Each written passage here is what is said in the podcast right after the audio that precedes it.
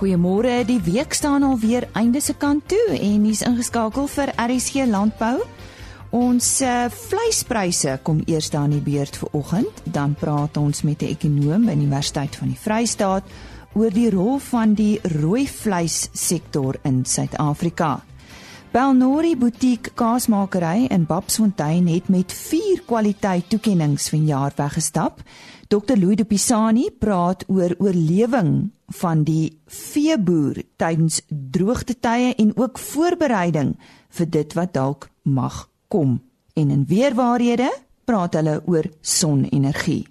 Nou soos beloof, vleispryse eers aan die beurt vir oggend en dit is natuurlik saam met Chris Derksen. Dit is pryse wat behaal is by veilinge in die Noord-Vrystaat. Die datum van hierdie veilinge was Dinsdag 10 April. Pryse het baie stabiel gebly teenoor die vorige weke en dit lyk of hy vir rukkie so sal bly. Speenkalvers onder 200 kg, R42.07 per kilogram lewende gewig. Speenkalvers van 200 tot 250 kg, R35.55 en oor 250 kg R34.52 per kilogram. A-klasse R26.03, B-klasse R23.15, C-klasse vetkoeie R22.49 en maarkoeie het gewissel van R18.15 na R19.25 per kilogram lewendig. Slagbulle R23.11. Skape het gewissel stoorlam R23.51, slaglammers R32.79, stoorskape R25.39 en vetskape R26.03 per kilogram lewendig. Die bokke, lammetjies R36.88 en mooi oeye R26.91. Indien ons van enige verdere hulp kan wees, skakel ons soos gewoonlik maar by 08280 75961. Baie dankie. Dit was aan Chris Derksen en hulle webtuiste is www.vleisprys.co.za. En die maas en sy gas praat nou oor die rooi vleissektor in Suid-Afrika.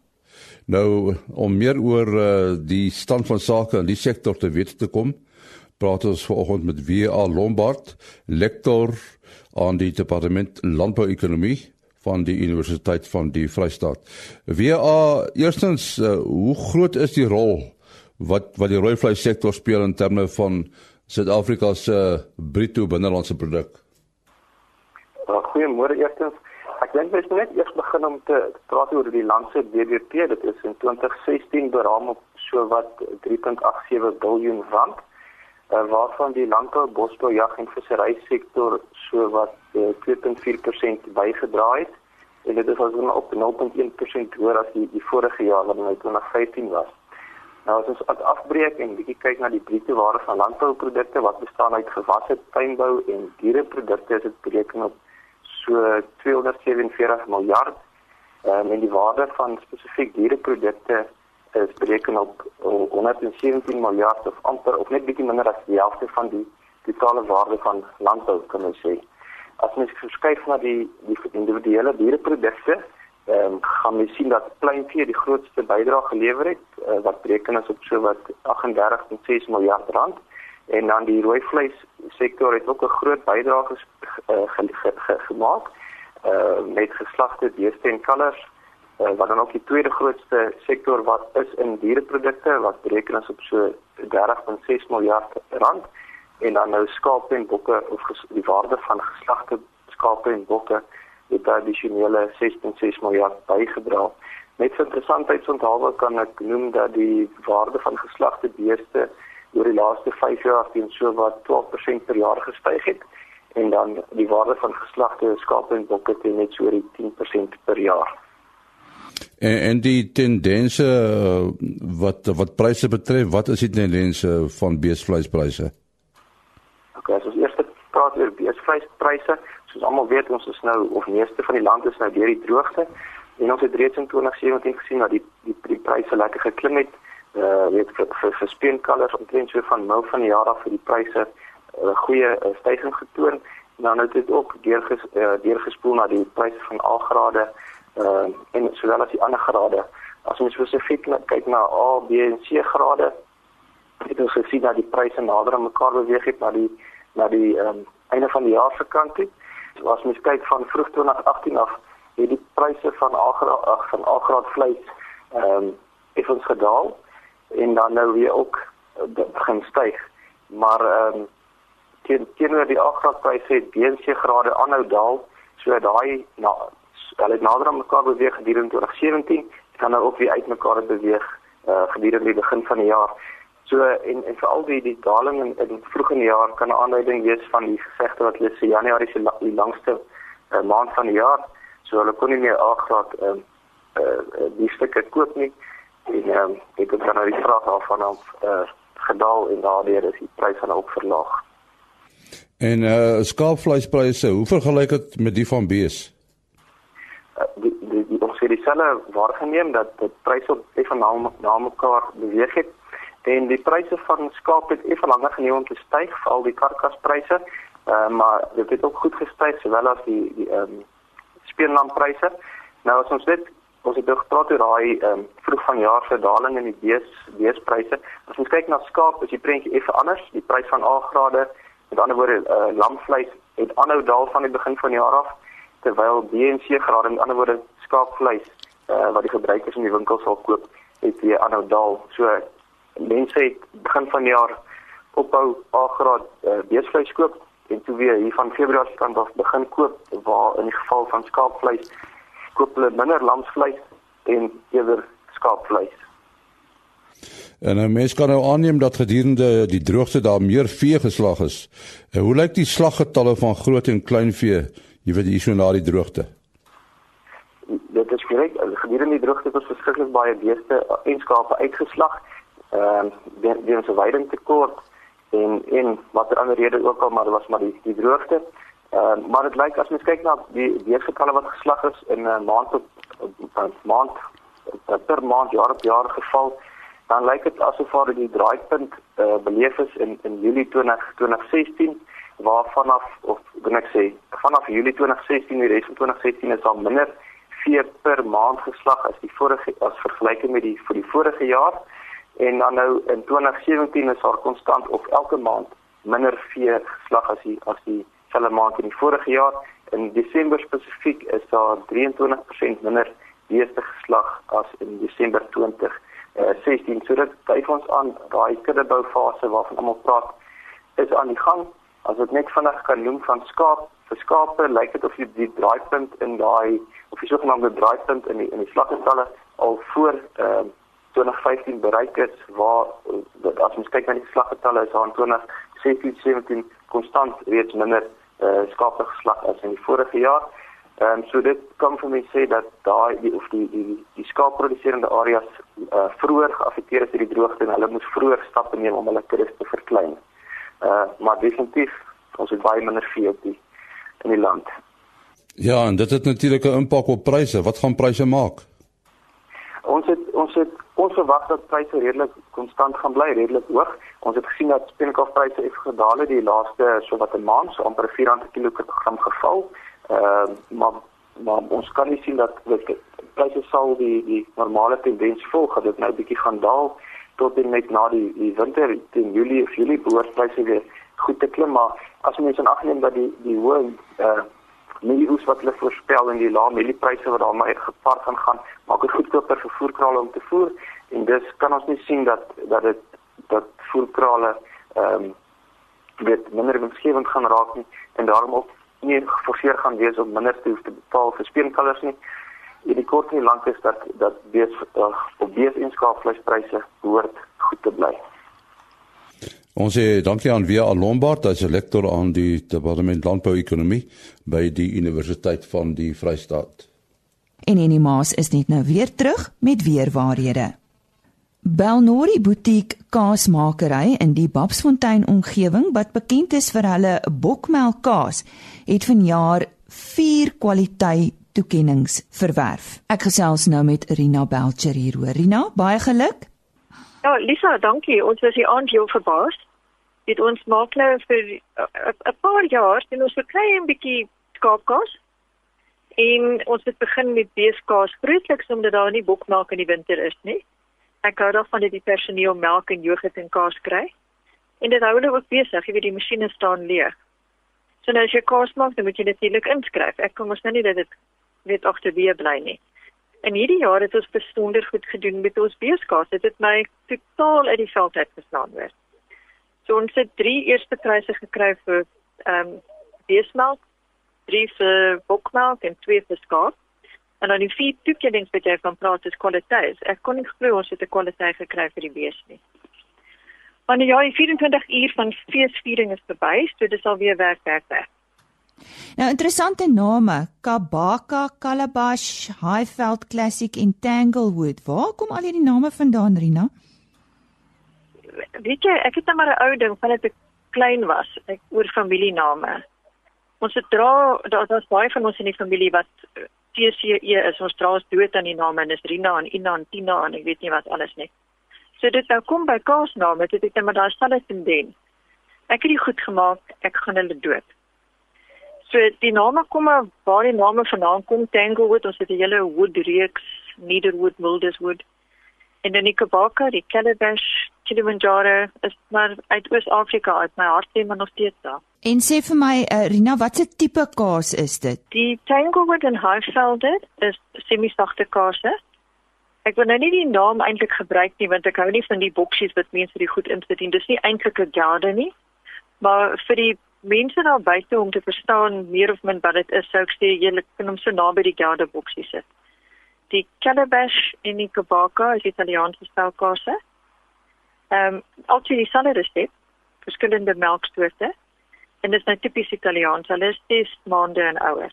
'n meer harde kaas. Dan jy nou vir my gevra of jy ook kan gesels oor uh, hoe die melkbokkase oor die algemeen gedoen het by hierdie kwaliteit uh, toekennings en by die kaas toekennings natuurlik. Ehm um, weet jy daar is niks wat vir my lekkerder is is om te sien dat daar nuwelinge op op die horison is nie. En daar was een dametjie van Clarence. Ehm um, die die kaasmakers die kaasmakerry se naam is Paris wat ons taglik goed gedoen het vir die eerste inskrywing. Sy het self het ook kwaliteit gekry. Dan is daar 'n paar nuwe gesigte onder die eerste pryse en veral waar daar meer as een prys gewen is. Weet daar's ehm um, Annelies Erasmus, die van Bronkhorstspruit af, Rockwell, Magtel Suster van Magdalena. Hulle het elkeen twee toekennings gekry wat vir my absoluut fantasties is. Dis klein kaasmakerytjies wat net besonder goed gedoen het. Nou as jy kyk tussen eerste, tweede en derde daar's baie keer minpunte wat dit onderskei was daar 15 name. Dit is nie net ons nie en daai 15 mense voel seker net so gelukkig as wat ons voel. En ek het uh, met 'n paar van die beoordelaars gesels het gesê oor die algemeen was jou bokmelkkaas net van soveel van 'n beter kwaliteit geweest. Die gehalte verbeter jaar op jaar. En uh, weet ons het in Oktober en weer in Januarie het ons seker ehm um, kaaswerkswinkels hier op die plaas gehad en ons het Kobus Mulder uitgenooi om hier lesings te kom gee. En ek glo vas dit as jy kyk na die inhoud daarvan en die mense wat beter gedoen het hierdie jaar, was dit 'n wenresep geweest om Kobus hier te kry. Net om daai paar dingetjies wat 'n ou verkeerd doen en jy nie besef jy verkeerd doen nie, reg te maak. So ek dink die gehalte oor die algemeen is iets om oor trots te voel oor. Ons sê weer eens baie geluk aan eh, Rina Belcher en haar span met die prestasies wat hulle vanjaar weer eens met hulle kaas behaal het. En gepraat van kaas, onthou die jaarlikse Kaasfees vind te hierdie maand plaas by Sandringham net buite Stellenbosch en dit is dan oor die lang naweek van 27 tot 29 April. Ek sal ook daar wees en 'n paar interessante bydraes vir u terugbring. Ons sluit nou aan by ons medewerker in die Noord-Kaap, Koos Tupisani. Suid-Afrikaanse boere het die afgelope paar jaar erge droogte ervaar. Almal is bewus van die moedelose gevoel wat hulle het. Maar daar is egte maniere om toekomstige droogte te bestuur. En Dr. Louis de Pisani, 'n bekende weidingkundige, glo dat goeie bestuur van 'n kan 'n plaas red. En hy het met 'n klompie boere op die aard gesels oor nuwe boerderymetodes.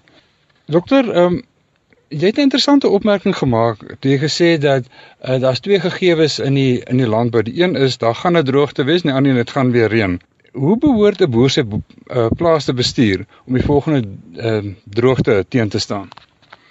Koos ja, weet jy, uh daar daar's 'n hele paar waarhede in die lewe. Die een is natuurlik dat ons sal doodgaan en die ander een is ons sal belasting betaal. Uh maar as dit gaan oor veeboerdery is daar twee uh sekerhede rondom rondom veeboerdery in die in die uh ariede en semi-ariede gebiede van Suid-Afrika. Ons gaan droogtes kry en die droogtes gaan gebreek word en dan gaan ons weer teruggaan na ons normale omstandighede. So dis 'n gegewe, die Suid-Afrikaanse landskap is so. Maar wat nie 'n gegewe is nie, wat ons nie weet nie, die onsekere gedeelte daarvan is dat ons weet nie wanneer gaan dit droog word nie en ons weet nie wanneer gaan dit reën nie. Nou, omdat daar saam met hierdie sekerheid 'n onseker gedeelte is, is dit belangrik om versekerings daarteen uit te neem. Want uh, as ek byvoorbeeld weet dat ek gaan môre in 'n ongeluk betrokke wees met my voertuig, gaan ek hom vandag verseker. Maar omdat ek nie weet wanneer ek in 'n ongeluk betrokke gaan wees nie, ek om die waarheid te sê, ek weet nie of ek in 'n ongeluk gaan betrokke wees nie, maar omdat die moontlikheid daar is dat ek in 'n ongeluk betrokke gaan wees, dit is die die sekere gedeelte, maar van die risiko. Die onseker deel van die risiko is ek weet nie wanneer ek 'n ongeluk gaan maak nie. Uh moet ek wanneer ek die die motor die dag koop dan moet ek 'n uh, eh, versekerings op hom uitneem. En dis eintlik hoe boere behoort te beplan vir vir droogtes. Uh ons weet dit gaan droog word. Uh ons weet net nie wanneer gaan dit droog word nie. En daarom is dit so belangrik om na 'n uh, 'n uh, 'n uh, strategie toe te verander wat wat wat ons noem 'n droogte siklus bestuur.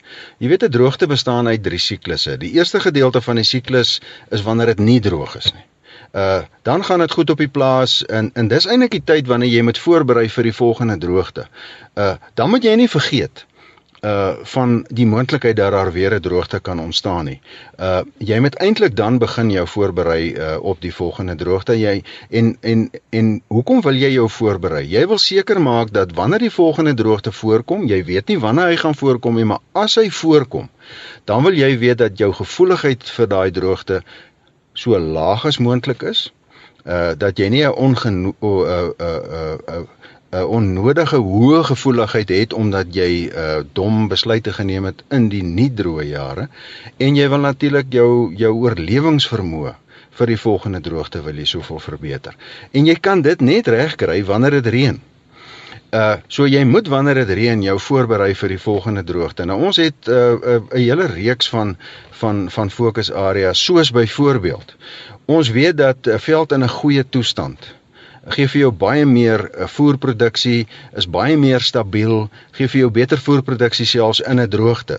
So as jy nou jou dan wil voorberei vir 'n volgende droogte, sorg minstens dat jou veld in 'n goeie toestand is, want dan weet ons jou jou jou gevoeligheid vir die volgende droogte uh, is dan nie so hoog soos 'n persoon wat die volgende droogte tegemoet gaan met swak veld nie. Maak seker dat jy met 'n kudde diere boer wat aangepas is by jou omgewing. Mense wil nie met onaangepaste diere boer nie. Diere wat nie vir jou goeie produksie gee uh in 'n goeie jaar nie, uh gaan jou totaal afgooi in 'n droogte jaar. So ou wil seker maak dat jy met 'n hoogs produserende kudde boer wat aangepas is by jou omgewing wat die minimum ekstra insette nodig het om te kan produseer. Want as jy in 'n goeie jaar met ekstra insette in 'n dier insit, dink net hoeveel ekstra insette moet jy in 'n droogte insit. Die ander die ander uh, fokusarea uh, in daai voorbereiding vir 'n volgende droogte is om seker te maak dat jy wanneer dit reën, dat jou finansiële bestuur so is dat jy jouself in 'n baie gunstige finansiële posisie inbestuur. Jy wil nie wanneer dit reën onder finansiële druk verkeer nie want dan is die finansiële druk wanneer dit droog word is net soveel groter om die waarheid te sê dit raak onuithoudbaar en en baie me, eh, boere wat wat finansiële probleme het wanneer dit goed reën hulle maak nie 'n droogte nie. Uh so dit dis die goed wat jy na moet kyk wanneer dit goed reën. Die oomblik en wat die ander ding wat belangrik is is omdat jy weet een of ander tyd gaan dit droog word om een of ander 'n uh, betroubare vroeë waarskuwingsstelsel te hê. Want droogte het 'n manier, hy bekruip jou, uh jy jy kom aanvanklik nie agter dit is stadig maar seker besig om droër te word en dan ewe skielik wanneer dit amper al 'n krisis is, dan word almal daarvan bewus en dan is dit dikwels te laat om op te tree. Dit is hoe gouer jy kan bewus word van 'n ontwikkelende droogte, hoe hoe hoe, hoe meer opsies het jy beskikbaar om uh, 'n plek te stel om jou gevoeligheid van hierdie droogte so min as moontlik te maak. En dan begin dit droog raak en dan begin jou fokus heeltemal weg te skuif want jou fokus uh, verskuif nou van baie lekker boer, baie lekker geld maak na oorlewing. Uh en terwille van oorlewing is daar drie goed wat belangrik is. Die een is jy moet vroegtydig diere verminder. Uh en jy moet stelselmatig verminder en jy moet slim verminder. Jy moet nie diere verminder wat nog vir jou baie goeie inkomste kan kry nie. Jy moet daai passasiers van ontslaa raak. Uh die tweede fokusarea is om nou jou finansies defensief te begin bestuur. Uh jy kan nie nou spandeer nie. Jy met jou spandering aan aan aan nuwe uitbreidings en en en die tipe van goed met jy nou inkort. Uh want jy weet jy gaan in 'n moeilike finansiële posisie in in 'n droogte. So dit wat jy normaalweg in 'n in 'n goeie tyd sou gedoen het, dit moet totaal heroorweeg word. Dit sluit ook finans dit sluit ook 'n uh, uh, persoonlike spandering in. Jy kan nie in 'n droogte uh uh net bloot voortgaan en teen dieselfde mate spandeer van jou persoonlike kapasiteit as as in 'n goeie jaar nie. Jy moet dit inkort.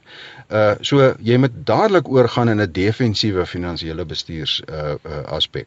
En dan die ander een wat verskriklik belangrik is koes is dat uh nou moet jy nie rondval en en en krisisbestuur toepas ten opsigte van jou droogtevoeding nie. Uh jy moet nou presies weet wat gaan jy voer? Uh wanneer gaan jy begin voer?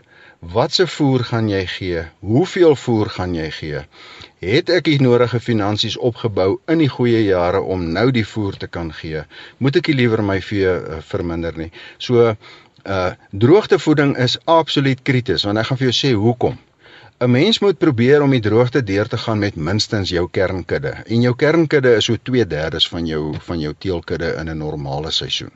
Die oomblik as jy onder 2/3 van jou van jou teelkudde gaan, dan herstel jy baie moeilik na uh na die droogte gebreek is. Jy het net eenvoudig nie reserves om jou kudde weer op herop te bou na sy oorspronklike hoeveelheid diere toe nie. En daarom is uh, droogtevoeding so uiters belangrik. En dan natuurlik gelukkig, ons weet dit al die droogtes word gebreek, dit reën uh en nou ewe skielik is die uh, toestande besig om terug te keer na normaal toe. Maar daar skade gedoen in die droogte en nou gaan jy nie dadelik terug na normaal toe nie. Jy moet nou die skade wat gedoen is herstel. Uh daar's drie aspekte waaraan jy aandag moet gee. Die een is veldherstel, uiters belangrik. Enige veeboer, die basis van enige veeboer se besigheid is sy veld en hy moet sy veld herstel na sy oorspronklike situasie voor uh die droogte gebeur het. As jy dit nie so gou as moontlik doen nie, dan gaan die volgende droogte jou vinnig weer vang uh en met met groter probleme as die vorige droogte. Uh die ander een is om jou veegetalle te herstel. Uh en hier moet die boere baie slim wees om hulle veegetalle te herstel. Wat tipies gebeur na 'n droogte is is uh die diere teeldiere raak onbetaalbaar duur. Ons ervaar dit op hierdie stadium weer. Jy weet 'n uh, 'n uh, 'n uh, jaar gelede kon jy 'n uh, 'n merino teelooi vir R1500 kos. Hy kos nou 2.5 3000 rand. So jy moet slim met hierdie goed werk. Uh en jy moet jou somme baie mooi maak. As hierdie tyd wat jy wat jy jou jou uh, jou rekenmeester uh, of jou finansiële adviseur baie baie nodig het. Uh en dan natuurlik moet jy finansiëel herstel. Uh want die die die banke gaan vir jou sekere uh uh, uh geleenthede skep in die droogte om dalk net rente te betaal en nie kapitaal te delg nie. Maar ewe skielik het dit gereën en die bank is op jou. En hy sê, "Oké, okay, nou moet jy ook kapitaal delg." Maar jy het nog nie finansiële herstel nie. So dit is verskriklik belangrik dat jou bankbestuurder is jou vernoot en jy moet dan met hom gesels en vir hom sê, "Jong, gee my nog 'n bietjie uitstel sodat jy finansiëel ten volle kan herstel sodat jy die volgende droogte weer goed kan deurgaan. So hierdie hierdie hierdie droogte siklus bestuur uh, moet so in hierdie siklus plaasvind. Die Suid-Afrikaanse boere is in die verlede gehelp deur die regering om hierdie droogtefase, hierdie krisisfase om om dit te oorbrug. Uh ons het vanjaar gesien dat droogte al baie weinig was. Boere is op hulle self aangewese en as hulle nie hierdie hierdie droogte uh uh bestuurs uh tegnieke gaan begin volg nie, uh dan is daar baie Suid-Afrikaanse veeboere uh, wat die volgende droogte nie gaan oorleef nie. Daar's altyd maniere om 'n probleem so te bestuur dat jy dit kan oorleef. Dit was dan Dr. Louis de Pisani wat met my gesels het op die aard tydens sy boeredag. En ons sê baie dankie aan Koos de Pisani. Weer waarhede saam met Johan van der Berg.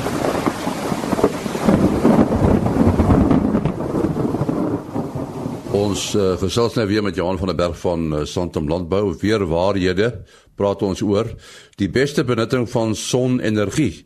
Daar's natuurlik 'n hele paar metodes, né, Johan? Ja, ehm um, en dit 'n hele paar toepassings ook as mens na landbou kyk Oh ja, die son is eintlik die dryfveer vir groei en ontwikkeling van plante.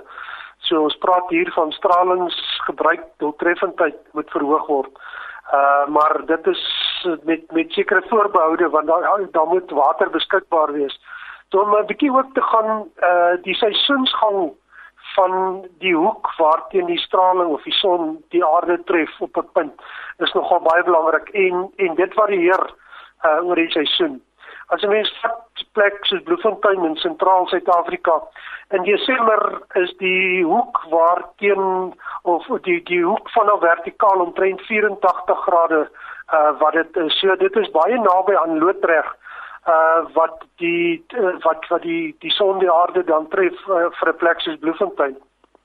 As mens na die winter toe gaan, dan gaan dit word dit so laag as 38 grade. So dit is baie kom ons sê nader aan die noordelike horison. Uh en ons weet dan dat die energie dan heelwat minder is.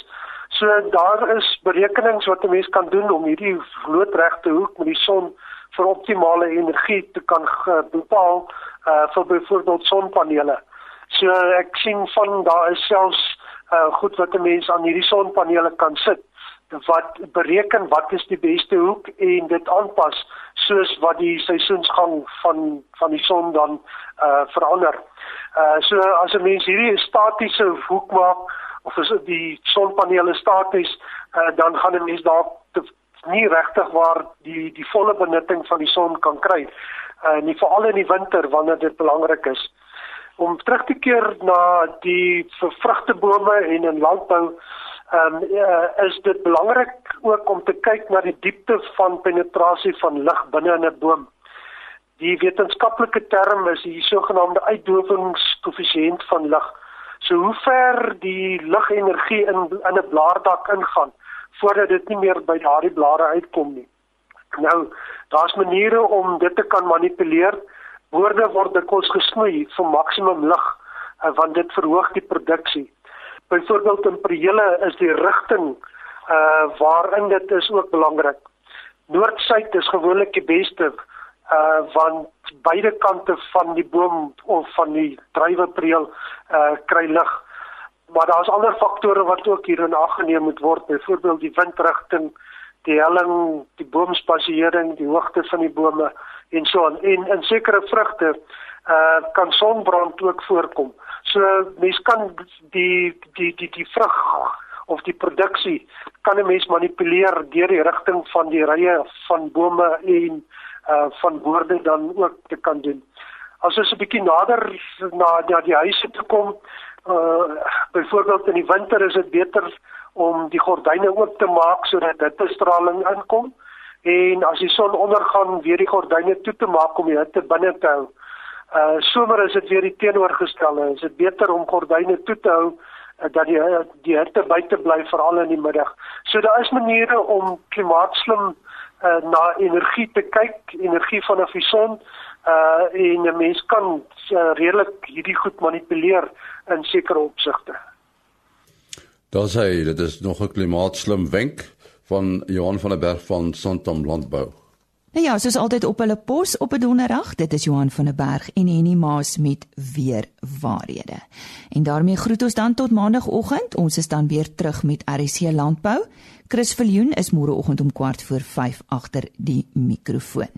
Goeie naweek word u toegewens. Totsiens. RC Landbou is 'n produksie van Plaas Media. Produksieregisseur Henny Maas. Aanbieding Lisa Roberts en inhoudskoördineerder Jolandi Root.